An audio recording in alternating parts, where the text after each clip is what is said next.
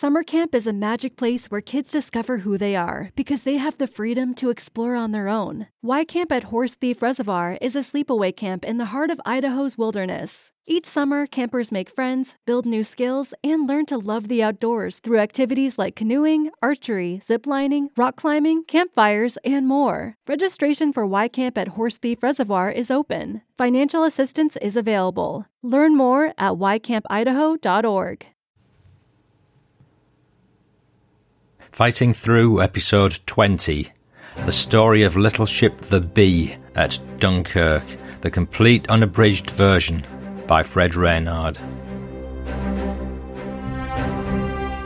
The following memoir wasn't written by a professional historian.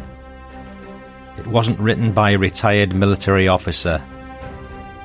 Nor was it written 50 years after events had taken place. It was written by the engineer aboard one of the legendary little ships of Dunkirk.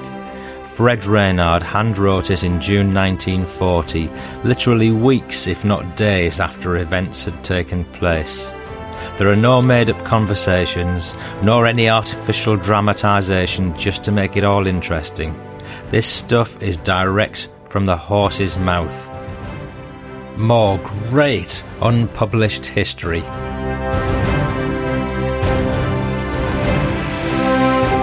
How welcome a sight as nine of our fighters arrived. Straight into the Huns they went, and soon those Jerrys were screaming towards the earth in flames, while the others streaked away as fast as their planes would carry them. A heavy bomb dropped near us, and we shuddered badly. The next one I thought had us, for we went down with a wall of water towering above us on all sides. I seemed powerless to move. I could only watch. Then one plane left the pack and came straight for us. I saw the four egg shaped bombs sailing as it seemed right onto us. Then a deafening crash. Troops were walking upright on the sinking ship's side, and a destroyer was alongside picking off all she could, and at the same time fighting off an aircraft which was doing its best to sink them both. Hello again. I'm Paul Cheall, son of Bill Cheall, whose World War II memoirs have been published by Pen and Sword in Fighting Through from Dunkirk to Hamburg. The aim of these podcasts is to give you the stories behind the story. You'll hear memoirs and memories of veterans connected to Dad's War in some way, and much more. Before I proceed, I'd like to share with you a little recent feedback about the show. Um, Witty Names from USA wrote in I was driving across Montana and stopped to download a few new podcasts. I downloaded an episode of the show to try it out. When the episode I downloaded about the bee was done, I raced the two hours drive to the next town so I could get an internet connection and download the rest of the show. Ever since then, I've looked forward to new episodes. Thanks for that, Witty, but make sure you're concentrating on your driving, my friend, or things mightn't turn out to be so witty. But uh, as you enjoyed the first episode of The Bee so much, I'll dedicate this one to you, as well as my pal Rodney.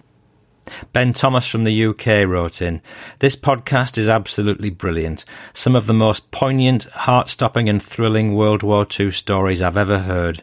Reminds me of many of the old fellas, my grandad included, that I knew as a child. Andrew McLennan from Brisbane in Australia said, As an Australian with a grandfather who fought in the Great War, and also having completed a history degree at university, I've read a lot about the Gallipoli campaign. Your podcast on Gallipoli was excellent and filled in many gaps in my own understanding of certain battles and events.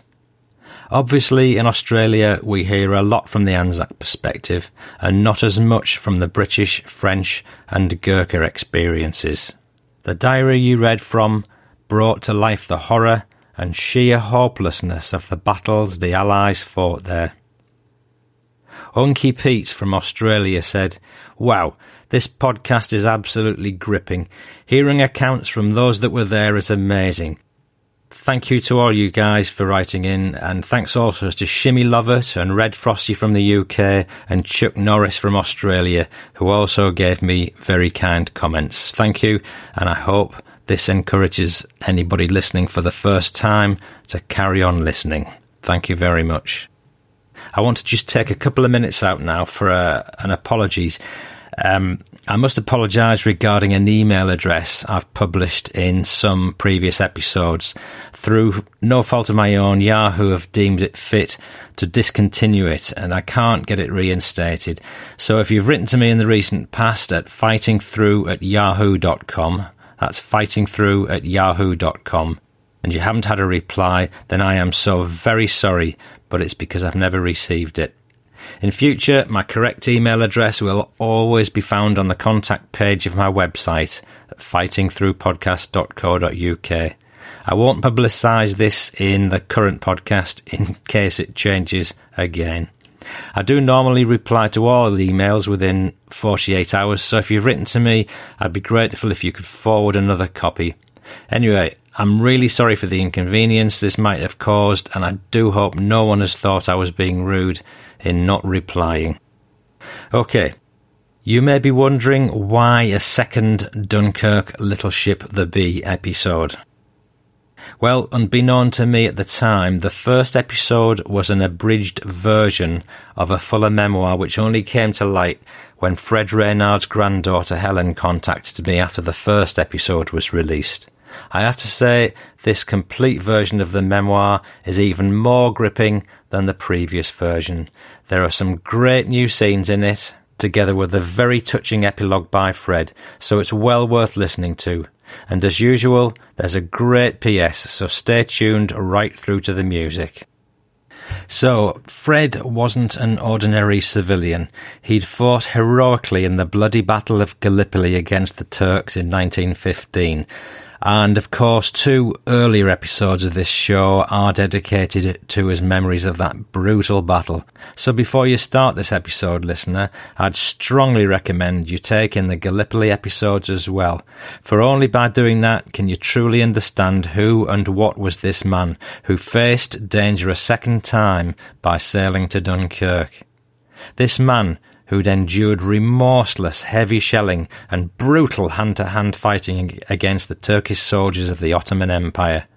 How fortunate, serendipitous even, that someone with guts, determination, and experience should be in a position to wage war again as a civilian in rescuing the unrescuable. So listen to Gallipoli and learn. Enjoy Dunkirk the Bee even more, knowing who that man was it certainly worked for me. It so happened that we were discharging iron plates at Portsmouth dockyard when, to our surprise, a naval officer came aboard us. Leave your ship where she is when you've discharged, he said, and make your way to your homes as we require her. That seemed a tall tale, and to me a funny order, but we couldn't get any more information about it, so when we finished work, I went ashore to see what I could find out. Through a chance word with the sentry, I found myself before the officer in charge, Portsmouth Command, and he soon told me what we were wanted for. Your ship's required on a mission of danger, and for that purpose I shall put naval personnel aboard. I asked whether there was a chance for us to go with her, and he said there was no guarantee we would get back, although he didn't say we wouldn't get back. Well, we won our case, and a young sub lieutenant reported to the Bee, and with four days' rations aboard, we steamed out of the harbour at 7:30 p.m. We steamed through the night and all next day, and arrived off Ramsgate at 5 p.m., where the commander went ashore for orders. He returned within the hour, and then we knew our job. The BEF is being driven into the sea, and our job is to lift as many as possible from the beaches. It won't be nice, you know, so if you want to change your mind, do so now, because we'll be leaving in one hour's time. I said that we didn't come to Ramsgate just to go home by train, and what others could do, well, so could we. So 7:30 p.m. saw us en route for Dunkirk. Two routes were open to us. One via Calais, where we could meet the gunfire from the shore batteries for about three miles. The other was to the north, a distance of 85 miles, where a German E-boat was making itself a nuisance. The E-boat's speed was the vital factor, so we decided on the Calais route, and moving as a lone wolf arrived off Dunkirk at midnight and dropped anchor as per instructions. Overhead was the drone of bombing machines en route for England. The sky was stabbed with dozens of pink searchlight beams, while everywhere around we could see the dark shadows of ships, both large and small, riding at anchor. But we were unmolested. In the distance one could hear the rumble of guns and the explosions of bombs, and the fires raging in the town lit up the sky.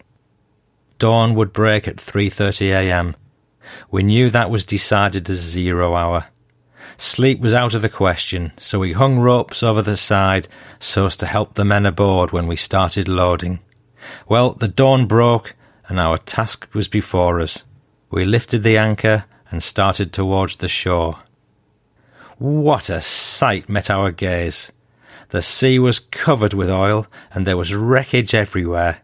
The docks were burning, as were huge oil containers, and the town of Dunkirk was a pall of black smoke. The shores were black with human beings, and there was a constant stream of men coming over the dunes down to the water's edge. A rocket soared into the skies, a hostile signal, our lieutenant said. It wasn't long before over he came. A burst of machine gun fire hit the water near to us, but no bombs were dropped at us. But he let everything go on the lads ashore. Well, if that was a challenge, then we accepted it, and we were then all the more determined to get those lads off. On we steamed towards the shore, and the nearer we got, the more destruction we saw. Upturned craft and the remains of human beings were everywhere. Medics were tending the wounded and doing what they could for them, but where could they take them? Only down to the sea, the only way out. Back came the bombers, and a near miss shook us badly. Warships opened up on them. A direct hit on a destroyer, and she listed heavily to port. Another destroyer loaded with troops was hit and was sinking. Men swam towards the shore. Some were picked up by smaller craft, but a large number, torn and mangled, went down with the ship. In less than an hour we'd escaped destruction, but had seen death in the most brutal manner. We were now nearing the beach, and another near miss.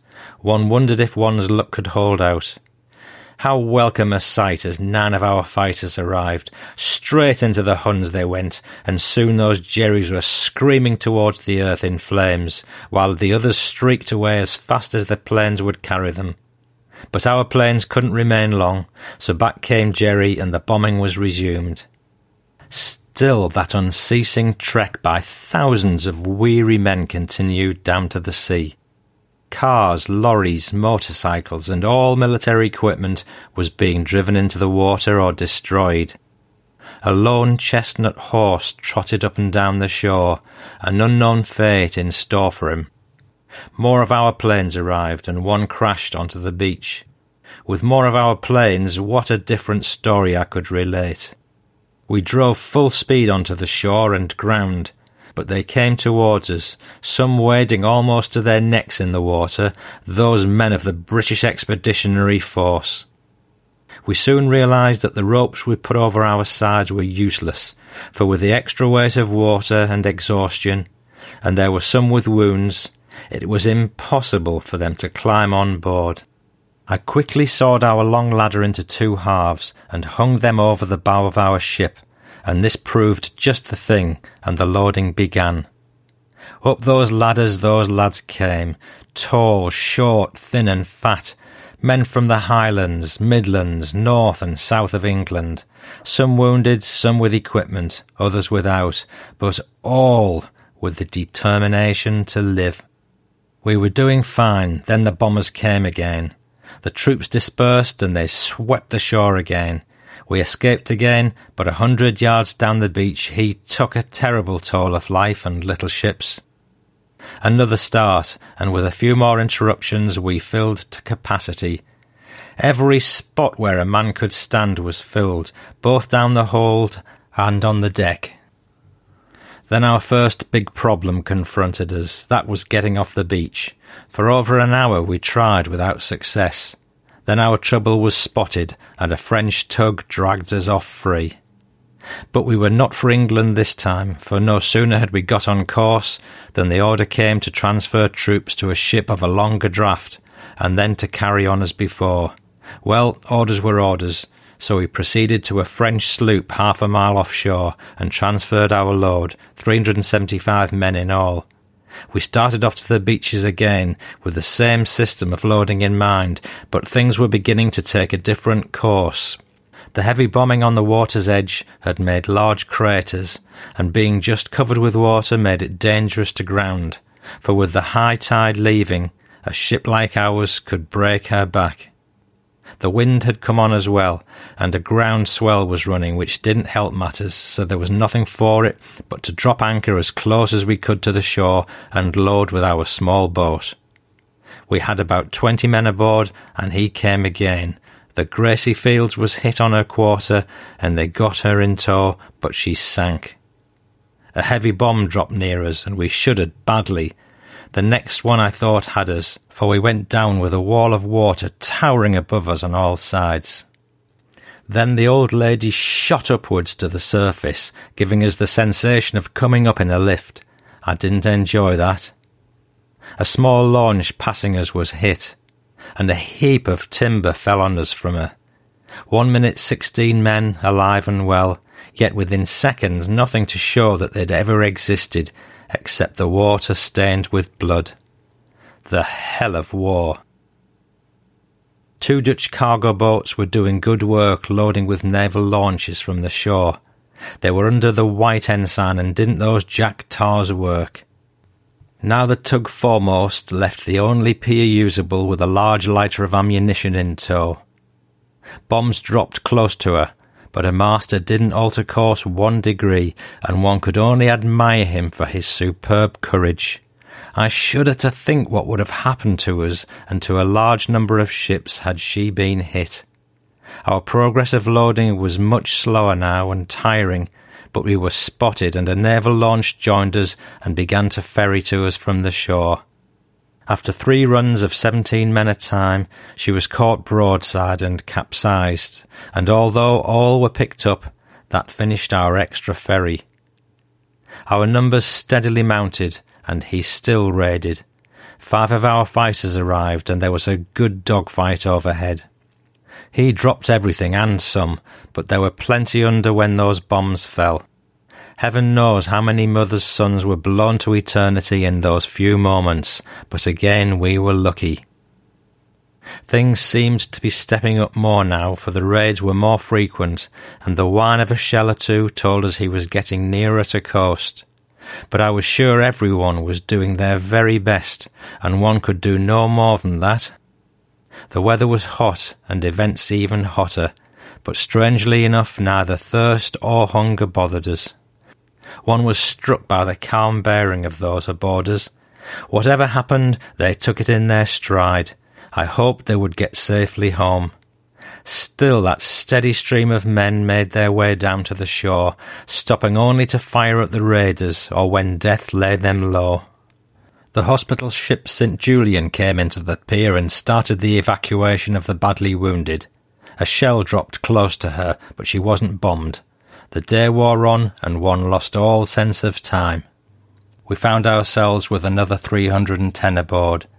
These we transferred to a small coaster, and her load then complete, she sailed for home, and right glad they were. We settled down to load again. Evening drew on, and more ships began to arrive, and among them I found quite a number of French and Belgian fishing craft. The shelling increased, but the raids became less frequent. The St. Julien left, and her place was taken by the Lady of Mann, also to load wounded. But she was not so fortunate, for he did bomb and damage her a little. When darkness fell a little after 11 p.m., we had about 100 men aboard. It was a slow process loading now, for we were all beginning to feel the strain of heat and long hours, but one must keep on while there were men to be lifted. He raided offshore during the hours of darkness, using flares, but he didn't come too near to us, for which we were thankful. During the four and a half hours of darkness, we took on about 130. Many of these lads seemed in a very bad shape, tired and hungry, and they told of insults from the French, and roads packed with men and women and children, and they were glad to be on a ship. The dawn of another day broke. 3:30 a.m. the 1st of June. The glory of June, they say, but what did it hold for us? We saw the dawn, but would we see its dusk? One thing was certain there were hundreds of men on those shores and on the boats who would never see the close of this day. That was fate, and we had no right to expect to be favoured than another person. We were weary, but we carried on, still adding slowly to our numbers.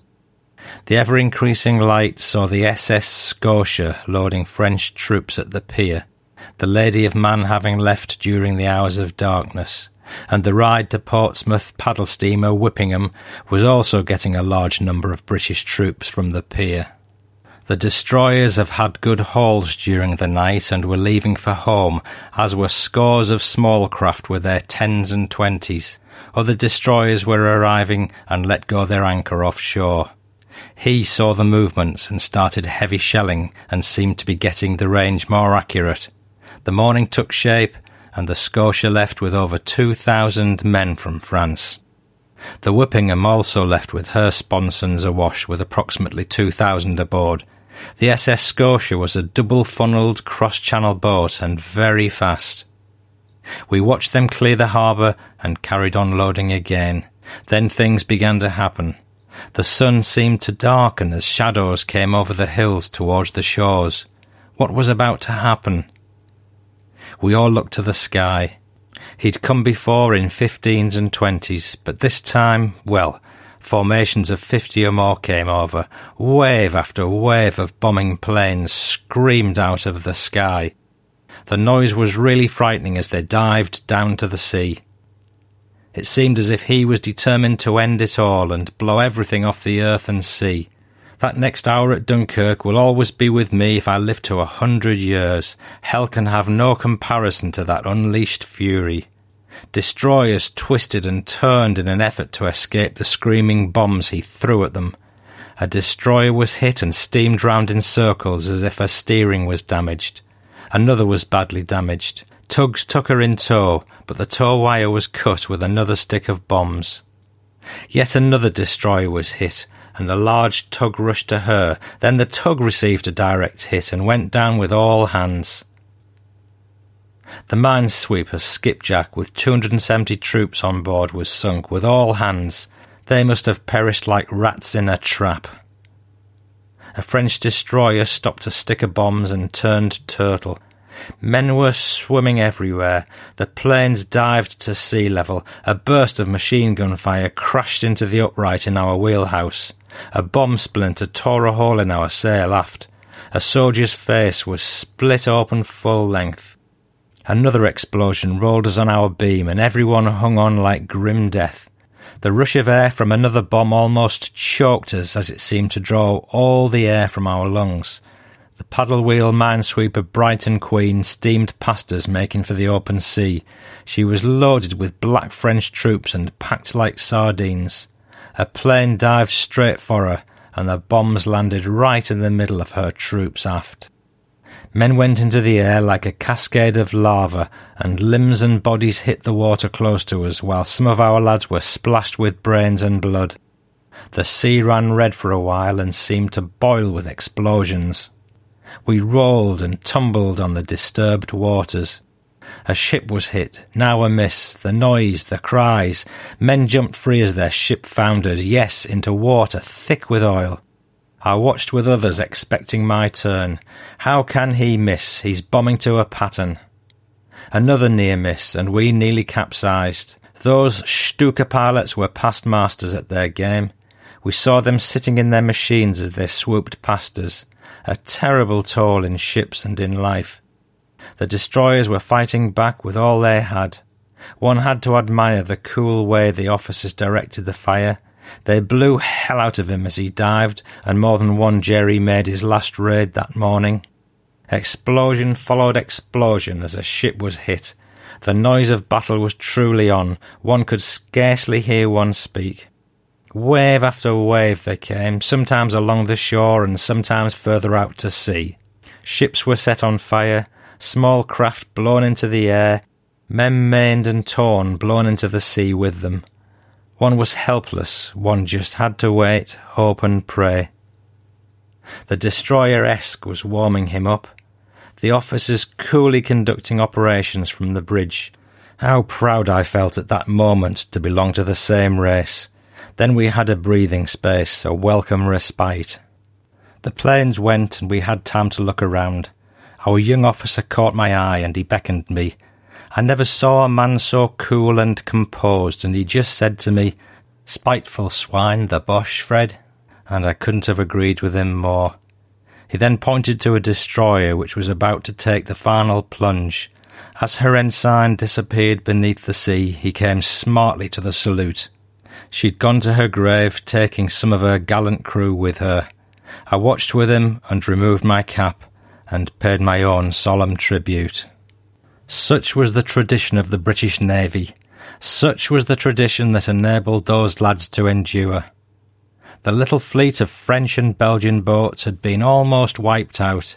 There seemed but one that was not either sunk or in flames. Four British destroyers had gone down, plus one French destroyer. A British sloop, two minesweepers, scores of tugs large and small, and dozens of small craft had been blown up. And in addition, three destroyers and a score of other craft badly damaged. And the men ashore They'd taken a severe pounding. Bombed, shelled, and machine gunned, no one will ever know to what extent they suffered that day, for the remains of some will never be found. What a sight confronted us! Crippled ships, broken spars, maimed men, oil and wreckage everywhere. The cries of the wounded and the appeals of the drowning made me feel ill. Small boats still afloat were picking up all they could, a very difficult job. Men slipped back into the water and drowned when help seemed near them. Choked with thick black oil, they had a terrible death. The bombers came again, but went further out to sea. It mattered little to us then, for we were all beyond caring. But why had they come so near without destroying us? Was it fate or luck, or was it the answers to the lad who'd knelt at my engine room hatch and said the Lord's Prayer, finishing with the words, Deliver us from evil? It was times like these that made men think. This was indeed a tragic day for the Royal Navy, and those who survived were, like us, fortunate. We resumed loading, for movement on the beaches had begun again. A very slow process now, dog tired but determined. A fast launch with a high ranking naval officer was getting in touch with the little craft further up the beach, and some were moving out to sea. Now a convoy of lorries arrived from somewhere and was being driven into the sea end on to form a pier as the tide came in. Then we got a message clear out what you have and proceed to Ramsgate, Route Y. We knew what that meant.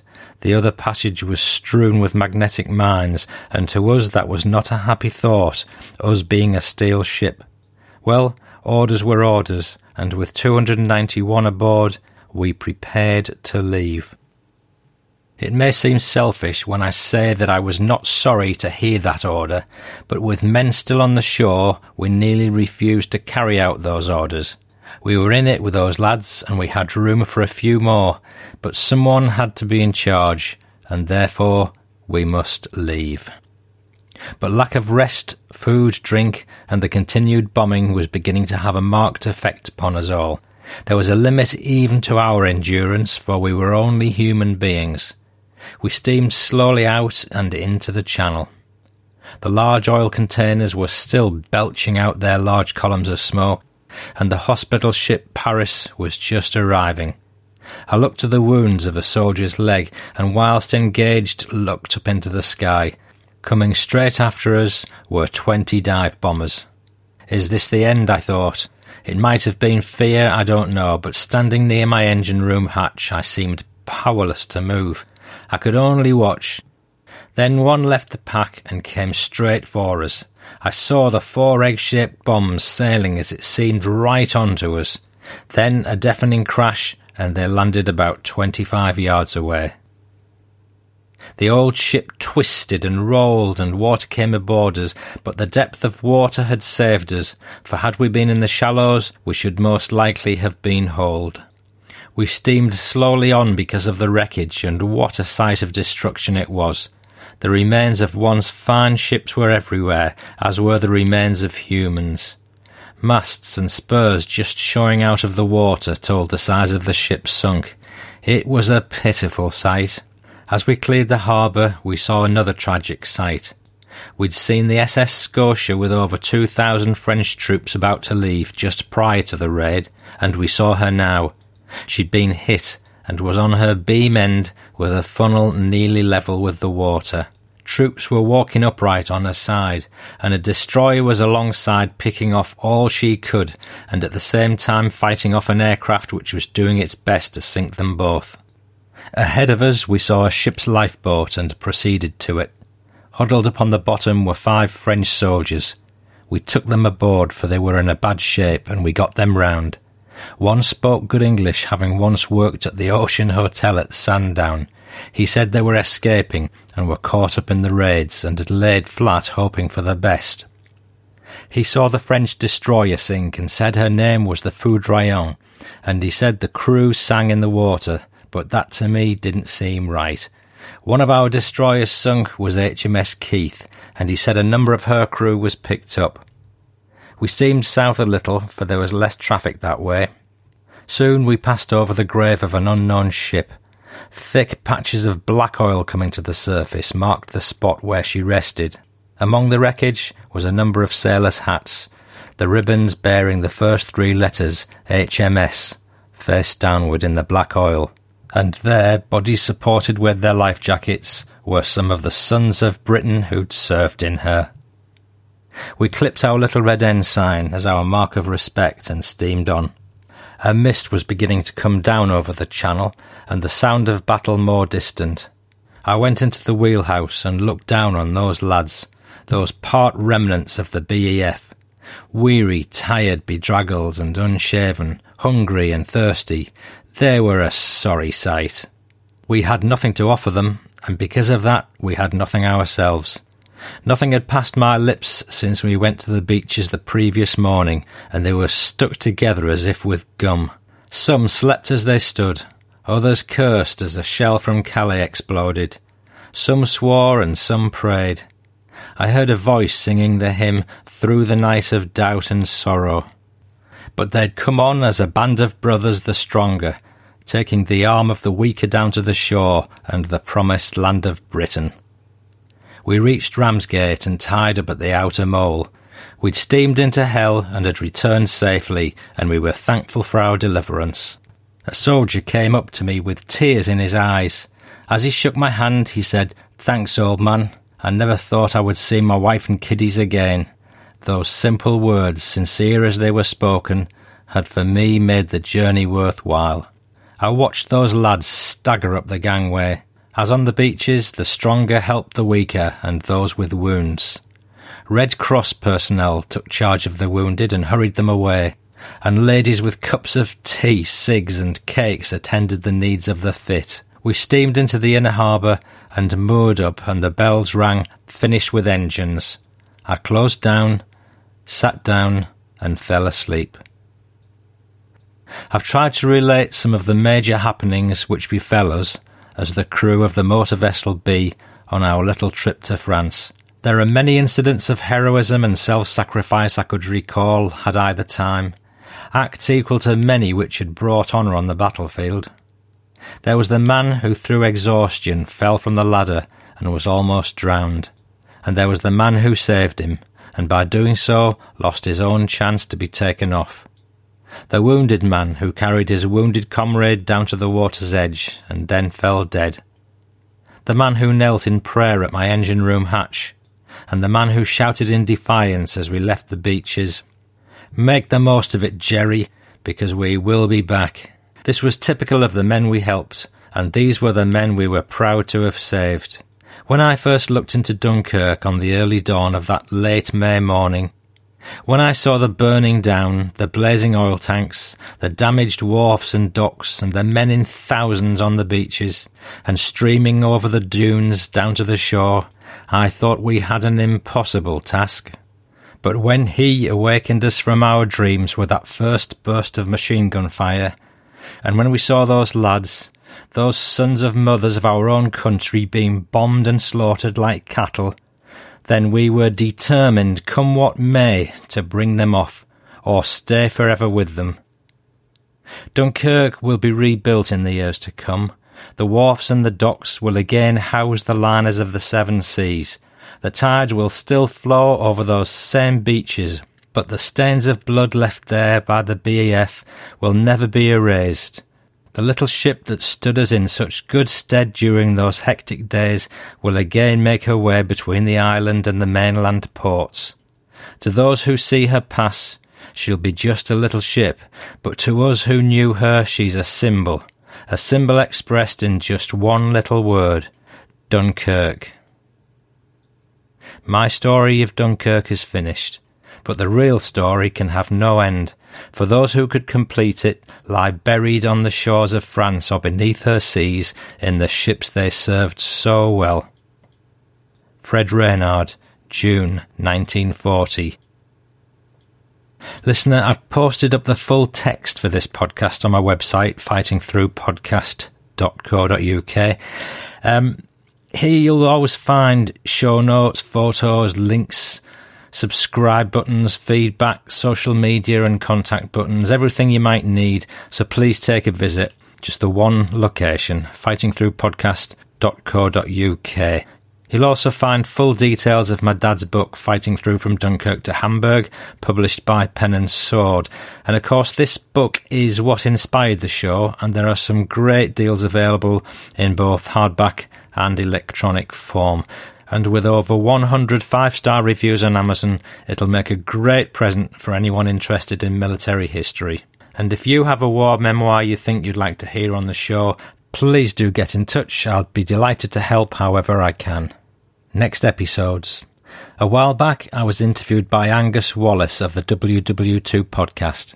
Angus' Shaw revolves around interviewing people who've had military books published and looks at many aspects of World War II and military history. So I feel very honoured that he asked me to talk about Dad's memoirs.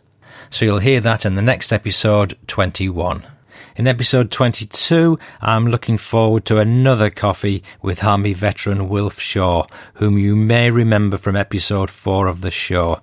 I've since met up with Wilf several more times, so my episode is dedicated to one such encounter, and we'll be regaled with more tales of fun and daring do in his continuing service with the Green Howards and Montgomery's 8th Army. Thank you for listening. I'm Paul Cheall. Whoops hang on, there's the PS. This is a letter to Fred from one of the few people outside the family who actually got to read Fred's memoir. It was written by a retired RAF wing commander. Dear Mr. Reynard, I've read your first hand accounts of those two shocking episodes in our country's military history, Gallipoli and Dunkirk, and found them very interesting. Having joined the Royal Flying Corps at the age of 16, and carried on in the RAF until after the Second World War, I know how much official records compiled by brass hats differ from the stories of the men who actually bore the brunt of warfare, and not infrequently suffered in operations planned from a distance by people with no knowledge of the conditions existing on the spot. Lives are cheap in wartime. Unfortunately, very few of those who served in the ranks ever bothered to commit their experiences to paper and their sacrifices and hardships go unrecorded. Thank you for the opportunity of reading them. We grow fewer as the years roll by, and must consider ourselves lucky indeed to live to recall those days and the splendid fellows with whom we shared them, many, alas, unable to do so. I too have recorded my recollections of thirty years spent in the company of the same breed of men at home and abroad, in peace and war, and they brought rewarding memories. Best wishes, yours sincerely, S. E. Townsend, Wing Commander, RAF retired. Listener, that's the end of the show. Thank you very much for listening. I'm Paul Cheall saying bye bye now.